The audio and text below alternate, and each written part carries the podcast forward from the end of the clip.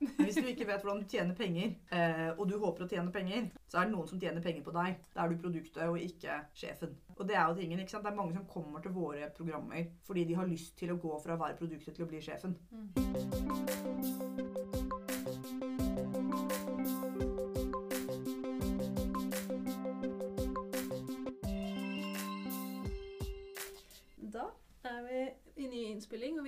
tester en ny mikrofon i dag. Vi jobber iterativt, som er et ord jeg er veldig opptatt av å lære folk. Yes. Iterasjonssykluser. Ja, iterasjonssykluser. Gud, vi er så startup-lab, Ingeborg. Jeg lærte det ordet på Startup Lab faktisk, i et møterom. Maria Vitoen, shout-out.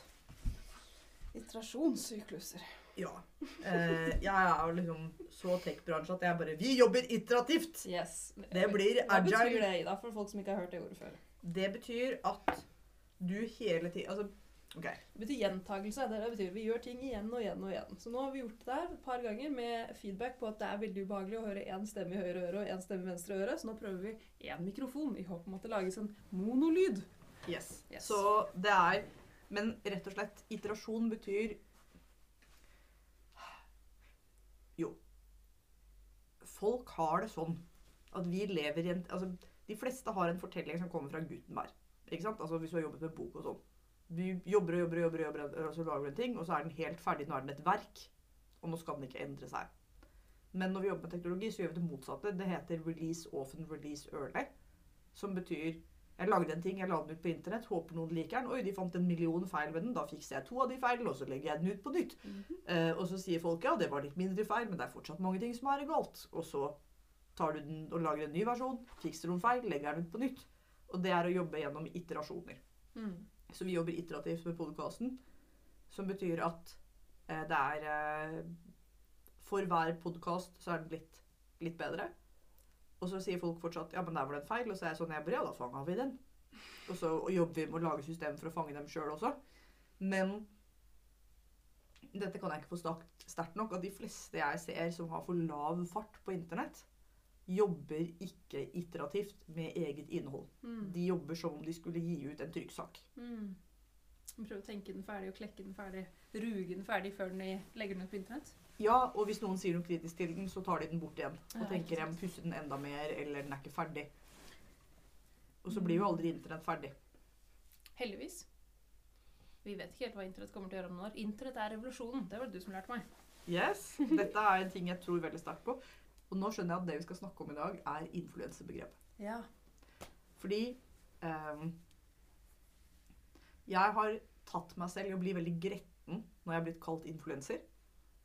Eh, det var Jo, eh, det var en annen litteraturviter som jeg ble bokbadet sammen med når fødselsdag kom ut, som sa til meg Ja, for du gjør en sånn influenserting, du. På Instagram. Det er ganske artig. Og så var jeg sånn Nå ble jeg veldig sur. Fordi jeg syns ikke at jeg er en influenser. Jeg syns at jeg er en viktig stemme i samfunnsdebatten og en eh, viktig gründer som driver med innholdsbaserte produkter, og en stor forfatter og bladi-bladi drit og dra, liksom. Og så var jeg sånn Men ok, hvis jeg klarer å skille det bildet som kommer i hodet mitt når noen sier influenser, med hva jeg faktisk vet at det er jeg gjør på internett, så er ikke influenser feil merkelapp. Mm. Og så vet jeg at det er folk som jeg vil si påvirker, for det er godt norsk, men jeg er veldig sånn Vi må kalle en spade for en spade. Og jeg beklager, det er så mye potty mouth-ting i disse podkastene, men du Jeg vil heller si fitte enn Joni. Ja. Mm. Mm, fordi det ene er du helt sikker på hva jeg mener. Ja. Det andre må du kanskje slå opp. Ja. Og hvis du sier påvirker istedenfor influenser, eller du sier liksom innholdsprodusent eller creator eller liksom bla, bla, bla, du skjønner hva jeg mener Mm. hvis jeg sier influenser. Ja. Selv om du har litt negative konnotasjoner. Mm. Og da er det det ordet jeg har bestemt meg for å gå for.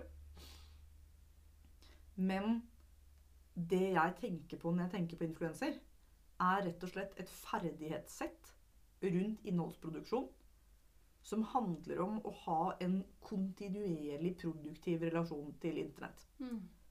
Ikke med å kontinuerlig produsere kode eller kontinuerlig lage design, Mm. men det å faktisk hele tiden eh, lage Altså lage nytt kreativt innhold til internett. Ja. rettet mot et publikum, ikke for å holde kontakt med vennene dine. Du lager jo også Instagram-innhold for å konvertere til salg, så har en ganske høy salgskonverteringsprosent. Ikke for at liksom veggen din på Instagram skal se perfekt ut. Nei. eh, og dette her er viktig fordi eh, Altså, jeg mener at du er nok ikke en influenser hvis du ikke har en kommersiell komponent i det du gjør på internett. Eller i så fall så gjør du influenser veldig feil. Eh, fordi noe av det som er med influenserbegrepet, at det er en grad av profesjonalisering. Det er ikke bare sånn Jeg er en person som er aktiv i sosiale medier, eller jeg er en person som er aktiv i samfunnsdebatten. Så mye som jeg er en person som eh, har internett som jobb. Det er en yrkesbetegnelse. Ja. Eh, og hvis vi Og her er en ting som, hvor man på en måte kan dele opp, da. Fordi en av grunnene til at jeg blir gretten når jeg blir kalt influenser, er at vi var jo på Vixen sammen. Ja. Og det som fascinerer meg uendelig, er at storparten av influenserne er jo liksom holdt jeg på å si, altså, Vixen føltes veldig som Aschehougs hagefest føltes som meg i 2007. Nå har kulturlivet falt betraktelig og blitt mer siderumpa. Ikke sant? Så i 2007 så var det på en måte mer liksom sånn fresh da, på Aschehougs hagefest. Liksom sånn, dette er kulturlivet, det er her det skjer. Men det betyr på en måte også at det er her den dumme ungdommen kommer og, gjør, kommer og gjør dumme ting mens de ikke har peiling. All kjærlighet til ungdommen, men det som er fellestrekket for eh, vakker og kreativ ungdom, er jo at bak så står det en gjeng med kjipe haier som utnytter dem økonomisk. Og det var litt stemninga når vi var på Vixen. Du så ganske mange ulekre managere. Må være lov å si. Altså, jeg vet ikke om det er lov å si, det er vår podkast, jeg sier hva jeg vil. Mm. Men, men det er jo noe med at stor... På et tidspunkt så gikk du fra meg, så var det sånn Jeg må finne noen voksne å snakke med. Ingeborg. Det er ingen voksne i dette rommet. Ja, men det føltes veldig sånn det er meningsløst å nettverke med noen som bare 'Å, jeg håper at jeg får enda flere likes, og at manageren min skaffer meg bedre deal', så jeg bare 'Ha det, barn'. Det er ingen voksne her. Nei. Altså, hvis du De ikke vet hva de snakker om. Jeg bare ja. hvis du ikke vet hvordan du tjener penger, eh, og du håper å tjene penger, Ja. så er det noen som tjener penger på deg. ja. Da er du produktet, og ikke sjefen. Ja. Og det er jo tingen, ikke sant? Det er mange som kommer til våre programmer fordi de har lyst til å gå fra å være produktet til å bli sjefen. Mm. Og enten du er popstjerne, eller Må du er de også da klare å eie influensebegrepet, eller er det greit om de kaller seg noe annet? Altså, Eller har du sånn kollektiv revolusjon nå på å ta tilbake altså, jeg har bare bestemt meg for å ta, ta ordet tilbake. Ja. Og dette er grunnen. Ja. Fordi at hvis du tenker at den generasjonen med influenser vi så på Vixen nå, som jeg ikke klarer å se på som voksne Fordi de er organisert som enkeltpersonsforetak hvor de har en manager hvor de ikke engang har oversikt over hva slags kontrakter de har med sponsoravtalene, eller liksom eh, De bare gjør som de får beskjed om. Ergo er de barn. Eh, mens jeg er daglig leder i et firma hvor jeg har ansatte. Eh, og når jeg er nettverker, så er det du som passer på vesk veska mi, ikke omvendt. liksom. Det er, en, det er en ganske viktig del av, av maktrelasjonen her, da. Ja. Mm. Eh, så en av grunnene til at jeg ikke har hatt lyst til å ha på influenserhatten, er fordi jeg har lyst til å være seriøs aktør. Ja. Men jeg vet at Men fra publikummet vårt, ikke sant Hvis du følger meg og to andre influensere på Instagram, så ser ikke du nødvendigvis forskjell. Mm. Og det handler noe om at det vi har til felles, er å tilhøre den bitte lille prosenten som lager utadvendt innhold i sosiale medier hver dag. Mm. Og eh, jeg har jobbet med sosiale medier og egentlig alle former for digital markedsføring. Gud. Siden, siden vi var så få blogger i Norge at vi kunne telle på én hånd. Heidi Nordby Lunde, I'm looking at you. Det var deg og meg og tre andre liksom, Mm. i tidenes morgen. Eh, men det betyr jo at eh, Når jeg snakker med folk som er sånn Jeg er opptatt av kommunikasjon, informasjon, omdømme. Eh, vi skal ta drive med liksom, eh, merkevarebygging i sosiale medier. Og så er jeg sånn jeg bare Folkens, dere liksom driver bare med vås, liksom. Fordi dere mestrer fortsatt ikke sjangeren. Dere bruker dette som standard reklamekanaler eller bokser dere skal tikke av. Nå har vi vært aktive. Vi har bidratt med vårt. I våre kanaler, og vi har informert, og vi har opplyst, og det er ingen som bryr seg. Mens det influenserferdighetene er, handler om å si at jo, men jeg har en jevn relasjon til mitt publikum. Og jeg tar vare på den relasjonen hver dag. Og det er en profesjonell relasjon. Og så er det sånn at hvis du tenker at jeg er tre ting, da. Jeg er forfatter, som betyr at jeg jobber profesjonelt med å lage lengre tekster som folk leser. Og jeg er gründer, som betyr at jeg jobber profesjonelt med å bygge pengemaskiner, som er det bedrifter er. Eh, og hvis du har bygd noe som Altså hvis du har bygd en penge, pengemaskin som er pre-revenue, så antar jeg at planen din er å selge den, så den er til slutt kommer den til å få liksom stor cash-out-pengemaskin til slutt. Mm. Hvis du er typen sosialentreprenør som aldri skal tjene penger, så burde du ikke ha lagd en business. Um, men, men, jo, så jeg, liksom, jeg er en litteraturbygger, en pengemaskinbygger. Men jeg er også en oppmerksomhetsbygger i sosiale medier. Og det er ikke alle bedrifter som trenger å bygge oppmerksomhet i sosiale medier. Eh, jeg kjenner veldig mange som er veldig stolte av at de utelukkende lever av referrals fra tidligere kunder. Ikke sant? Så de bare 'Jeg trenger ikke markedsføre, fordi det jeg gjør, er så bra'. Og jeg bare 'Jo, du markedsfører, det er bare at du markedsfører gjennom tidligere kunder'. Ikke sant? Det er det som er salgskanalen din. Mm. Ulempen med dette er jo på en måte at du liksom antageligvis har en veldig high touch markedsføring hvor du er nødt til å gjøre mye Altså eh, Mange firmaer som driver på den måten, har jo KAM, ikke sant? Hvor du har key account manager som ringer rundt til masse kunder, tidligere kunder og bare 'Hei, hei, trenger du noe om dagen?' Eh, og så er det måten du selger på, er via en sånn. Mens eh, Jo, for meg handler nok noe av dette også om å Jeg skal ikke si at jeg har en skamfølelse rundt det å ha fans i sosiale medier. Men det er jo sånn at storparten av mine vanlige næringslivskontakter og forfatterkontakter syns at det er en av de mest shady tingene med meg er det å ha en sånn internett-following. Men så grunnen til at jeg tar influensebegrepet tilbake, er at hvis du lurer på hvorfor det er vanskelig for deg å få oppmerksomhet rundt tekstene dine, eller hvorfor bedriften din går litt sakte, så handler det om at du mangler noen influenseregenskaper. Og det influensere er best på, er å Altså Når de sier 'påvirke sosiale medier', så mener du egentlig å få folk til å gjøre noe og bry seg. Den eneste grunnen til at noen kunne hatt lyst til å sponse deg på Instagram, Ingeborg, de håper at hvis du sier 'klikk på denne lenka', så kommer de til å klikke. Eh, og det er det ikke alltid at folk gjør. Men definisjonen på en vellykket influenser er jo nettopp det. Mm. Og jeg vil si at fra et startup-perspektiv altså Nå lager jo vi Jeg kaller jo spøkefullt nederste del av bedriftsprogrammet vårt for influenserinkubatoren. Mm. Ida Jacksons influenserinkubator. Men jeg, den heter inkubator, da. Men den kan jo være en influenserinkubator òg. Altså, jeg tror at når du Hvis du tenker å starte en bedrift i 2023, ja. og du ikke starter den med en influensekomponent inni, eh, så spyler du penger ned i dass. Fordi annonsene blir bare dyrere og dyrere, og det er mer og mer spesialisert ferdighet. Og word of mouth tar tid å bygge opp. Mm.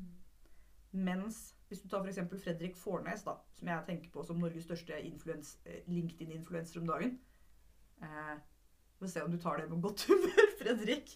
Men han har bygd en, en, en påvirkningsbedrift som lærer folk LinkedIn utelukkende ved å være en person som folk har lyst til å snakke med på LinkedIn. Mm. Det er hele bedriften. Så han er en LinkedIn-influenser. Mm. Og nå, blir det et prof, nå er det i ferd med å bli et LinkedIn-byrå bak. Og det er det. Mm. Jeg ikke si at det er ingenting, men det er liksom noe med at av alle kanalene du liksom, strategien du kan velge, så er det å gjøre Fredrik til influenser en av de lurere måtene å gjøre det på. Uten at du trenger å eh, Altså uten at du trenger å tapetsere eh, i Instagram i reklame. Eller liksom gå på en million nettverksingsarrangementer og dele ut uh, visittkortet ditt, som jo for mange fremdeles er sånn de selger ting. Mm. Ja.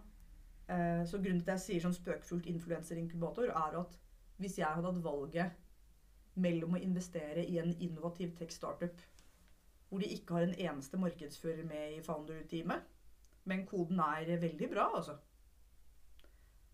Og f.eks. investere i Jeg beklager å si det, tror jeg tror ikke hun ville latt meg investere, nå var den gått over 20 millioner i pluss. Men i 2019, når Sara Emilie gikk fra å være enk og influenser på enkeltpersonsforetak, som fortsatt var liksom eh, litt delvis ufør, til å bygge et liksom eh, helt sånn insane svært undertøysfirma eh, som nå har omsatt for over 20 millioner. Altså Hvis jeg skulle valgt hvor jeg skulle putte penga inn, så hadde jeg helt åpenbart putta det i Sara Emilie. Men eh, Så det er jo Jeg skal ikke si at vi lager influenserinkubator bare fordi jeg har lyst til å putte penger på influensere, men jeg har jo skal være ærlig på at det er liksom definitivt en av de største investeringsmulighetene som jeg ser nå. Og det handler om at eh, jeg er god til å lese kode, men jeg vet også at kode selger ikke seg selv. Men hvis du bygger en kanonbra markedsføringskanal, som Sara Emilie gjorde, og så kan du si ut hva, det ser ut som jeg har bygd mye sånn kroppspositiv publikum av å vise bilder av rumpa mi. Hva kunne vi trengt? Jo, større truser. Mm. Det tror jeg kunne solgt til dem. Gjett om hun kan selge stor truse. Jeg, liksom, jeg er ikke sponset av Sara Emilie store truser, men jeg har latt meg mye i sommer, og da var det veldig digg å bare kunne gå på Instagram og kjøpe seg en stor truse. Mm. Um, Det er bra. Uh, Ok, Men så influensere er bra. Influensere med kvalitet som vet hva de driver med og kan lage midlertidig årsregnskap, er enda bedre. Du ble stolt av det midlertidige årsregnskapet, dag Altså, det er sånn Jeg tror bare at Vi har snakket mye om det denne uken her. ja, men Det er noe med å liksom sitte som møter i banken bare Kan du sende over midlertidig årsregnskap? Og jeg bare har, har det alltid klart. Mitt midlertidige årsregnskap. Nei, men det er noe med at når du kommer fra kulturbransjen, hvor folk, folk er litt sånn 'Jeg vet ikke hvor mange penger. Hvor er penger?' Noia. Eh, til å være en sånn eh, Og her er mine spreadsheets i alle retninger. Ja. Den, det føles som en veldig stor flex. Ja. Eh, Og nå vil du lære andre å eh, kjenne på den fleksen. Så meld dere på webinar 2. mars. Ja. Eh, hvis vi er i, i fremtiden hvor det er realistisk. Ja. Hvis vi er enda lenger frem i fremtiden, så gikk dere glipp av webinar 2. mars. Det er det som er gøy med Mastermind eh, er sikkert fortsatt tilgjengelig. Ja, det vil jeg Altså, jeg har ingen, eh, ingen planer om å stenge masterminden. Men, men det er noe med å si at eh, jeg, jeg tror liksom takeaway Jo, nå skal jeg gi en veldig konkret takeaway, for det Ja, driver jeg og øver meg på. Ja, høre. Eh, så Det ene er å utforske forholdet ditt til ordet influenser. For det er mange av oss som går rundt og tenker at liksom Jo, men jeg må eh, Holdt på å si Jeg er en seriøs aktør. Mm. Jeg kan ikke liksom putte meg selv i den kategorien. Det andre er å se hvor sterk publikumskontakt har jeg greid å bygge. Enten på kunstnerskapet mitt eller bedriften min. Og da er det nok, Hvis den er svak, så er det influenserkomponenten som mangler. Og så vil jeg si at eh, eh, det en det å tenke på influensertingen eh, som et håndverk er den aller, aller nyttigste tingen du kan gjøre når du ser på so sosiale medier-greiene dine. Så istedenfor å tenke sånn Ja, men eh, eh, Hvorfor vil ingen lese teksten min, eller hvorfor vil ingen kjøpe greia mi? Så heller tenke Ja, men hva er det Altså er, Hva er grunnen til å følge det vi gjør på internett i seg selv? Og er det bra nok i seg selv til å være en ting? Eh, og så anbefaler jeg jo, sånn på generell basis, jf. eksempelet med Sara og Emilie, om å følge influensere du vanligvis ikke ville ha fulgt, for å se hva de gjør. At nesten alle mine smarteste triks i sosiale medier har jeg lært av å observere flinke håndverkere som jobber i helt andre sjangere enn meg. Eh, Så det er også en ting å tenke på. Hvem er det jeg følger? Følger jeg bare konkurrentene mine eller folk jeg sammenligner meg med? Eller følger jeg folk fra helt andre sjangere for å få helt andre ideer? Så det er de tre tingene du kan gjøre i dag. Og så er det sånn at hvis du er interessert i å lære disse ferdighetene, så har vi altså da liksom en inkubator hvor influencer skills er noe av det vi underviser. Vi lærer deg også å lage midlertidig årsregnskap fordi jeg nekter å ha kunder som ikke er voksne. Men, men det er liksom um, Men det er i sted, men, men den viktigste tingen jeg kan gi deg, er å skille uh, sjanger og verk her. Mm. Ikke sant? Altså Du kan sikkert komme på 50 influensere som irriterer deg hvis du har fulgt med på disse greiene. Uh, men det er på samme måte som altså, vet, du, vet du hvor mange bøker jeg syns er dårlige, liksom? Mm. Det er mange bøker. Mm. Det er en lang liste. Jeg har fortsatt ikke tenkt at liksom, fordi Jojo Moyes driver og skriver det rælet sitt, så kan ikke jeg putte ting mellom to permer. Mm. Så det er den dårligste grunnen Mm. til å ikke ha med en sjanger å gjøre jeg vet om. Mm.